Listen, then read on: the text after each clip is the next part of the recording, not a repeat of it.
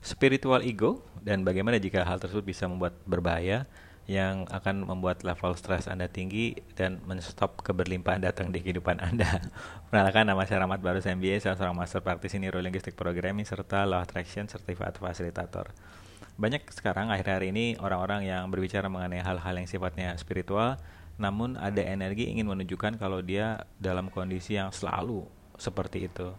Jadi ada sebuah ada seorang uh, ahli spiritual yang pernah saya dengarkan podcastnya dia bercerita bahwa ketika uh, dia ditanya sama pewawancara, kalau kamu sebagai seorang ahli spiritual ketika menginjak kakimu membentur meja misalnya, apa yang kamu lakukan agar lebih tenang dan masuk ke positive thinking?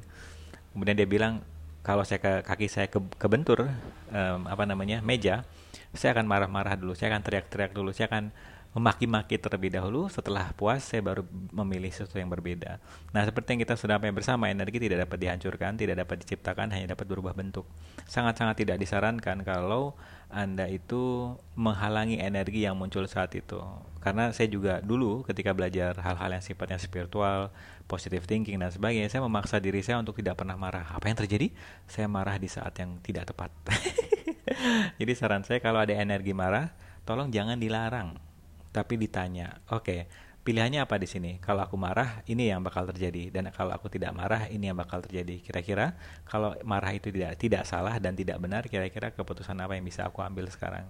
Dengan begitu Anda tidak melihat atau tidak menghakimi marah adalah sebuah hal yang perlu Anda hindari, karena hal-hal yang Anda hindari akan mendorong Anda semakin besar. Apa yang Anda tolak akan mendorong Anda semakin besar. Saran saya, energi alirkan, jangan dihalangi uh, dengan cara ditanya kalau aku malah gimana kontribusinya? Kalau aku tidak marah gimana kontribusinya? Dan mungkin dengan hanya mengucapkan pertanyaan seperti tadi level stres anda dan keinginan anda e, berubah untuk marah. Iya karena kita sekali lagi tidak melihat marah sebagai hal yang salah melainkan hanyalah sebuah keputusan yang bisa anda ambil atau Anda bisa mengambil sebuah keputusan berbeda. So, saran saya berhenti ingin menunjukkan spiritual ego, namun sadari bahwa marah itu adalah sebuah keputusan dan bagaimana jika dan dan dan sangat tidak disarankan karena kita lagi dikelilingi oleh orang-orang yang uh, kita yang ada di sini yang suka mendengarkan topik-topik di uh, seperti ini masih di sekitaran 20% dan kita dikelilingi oleh 80% orang-orang yang berek dari drama, trauma dan stres. Itu sangat tidak berbaik hati ke diri kita sendiri kalau kita memaksakan diri kita untuk selalu berpikir positif karena itu sangat-sangat tidak disarankan.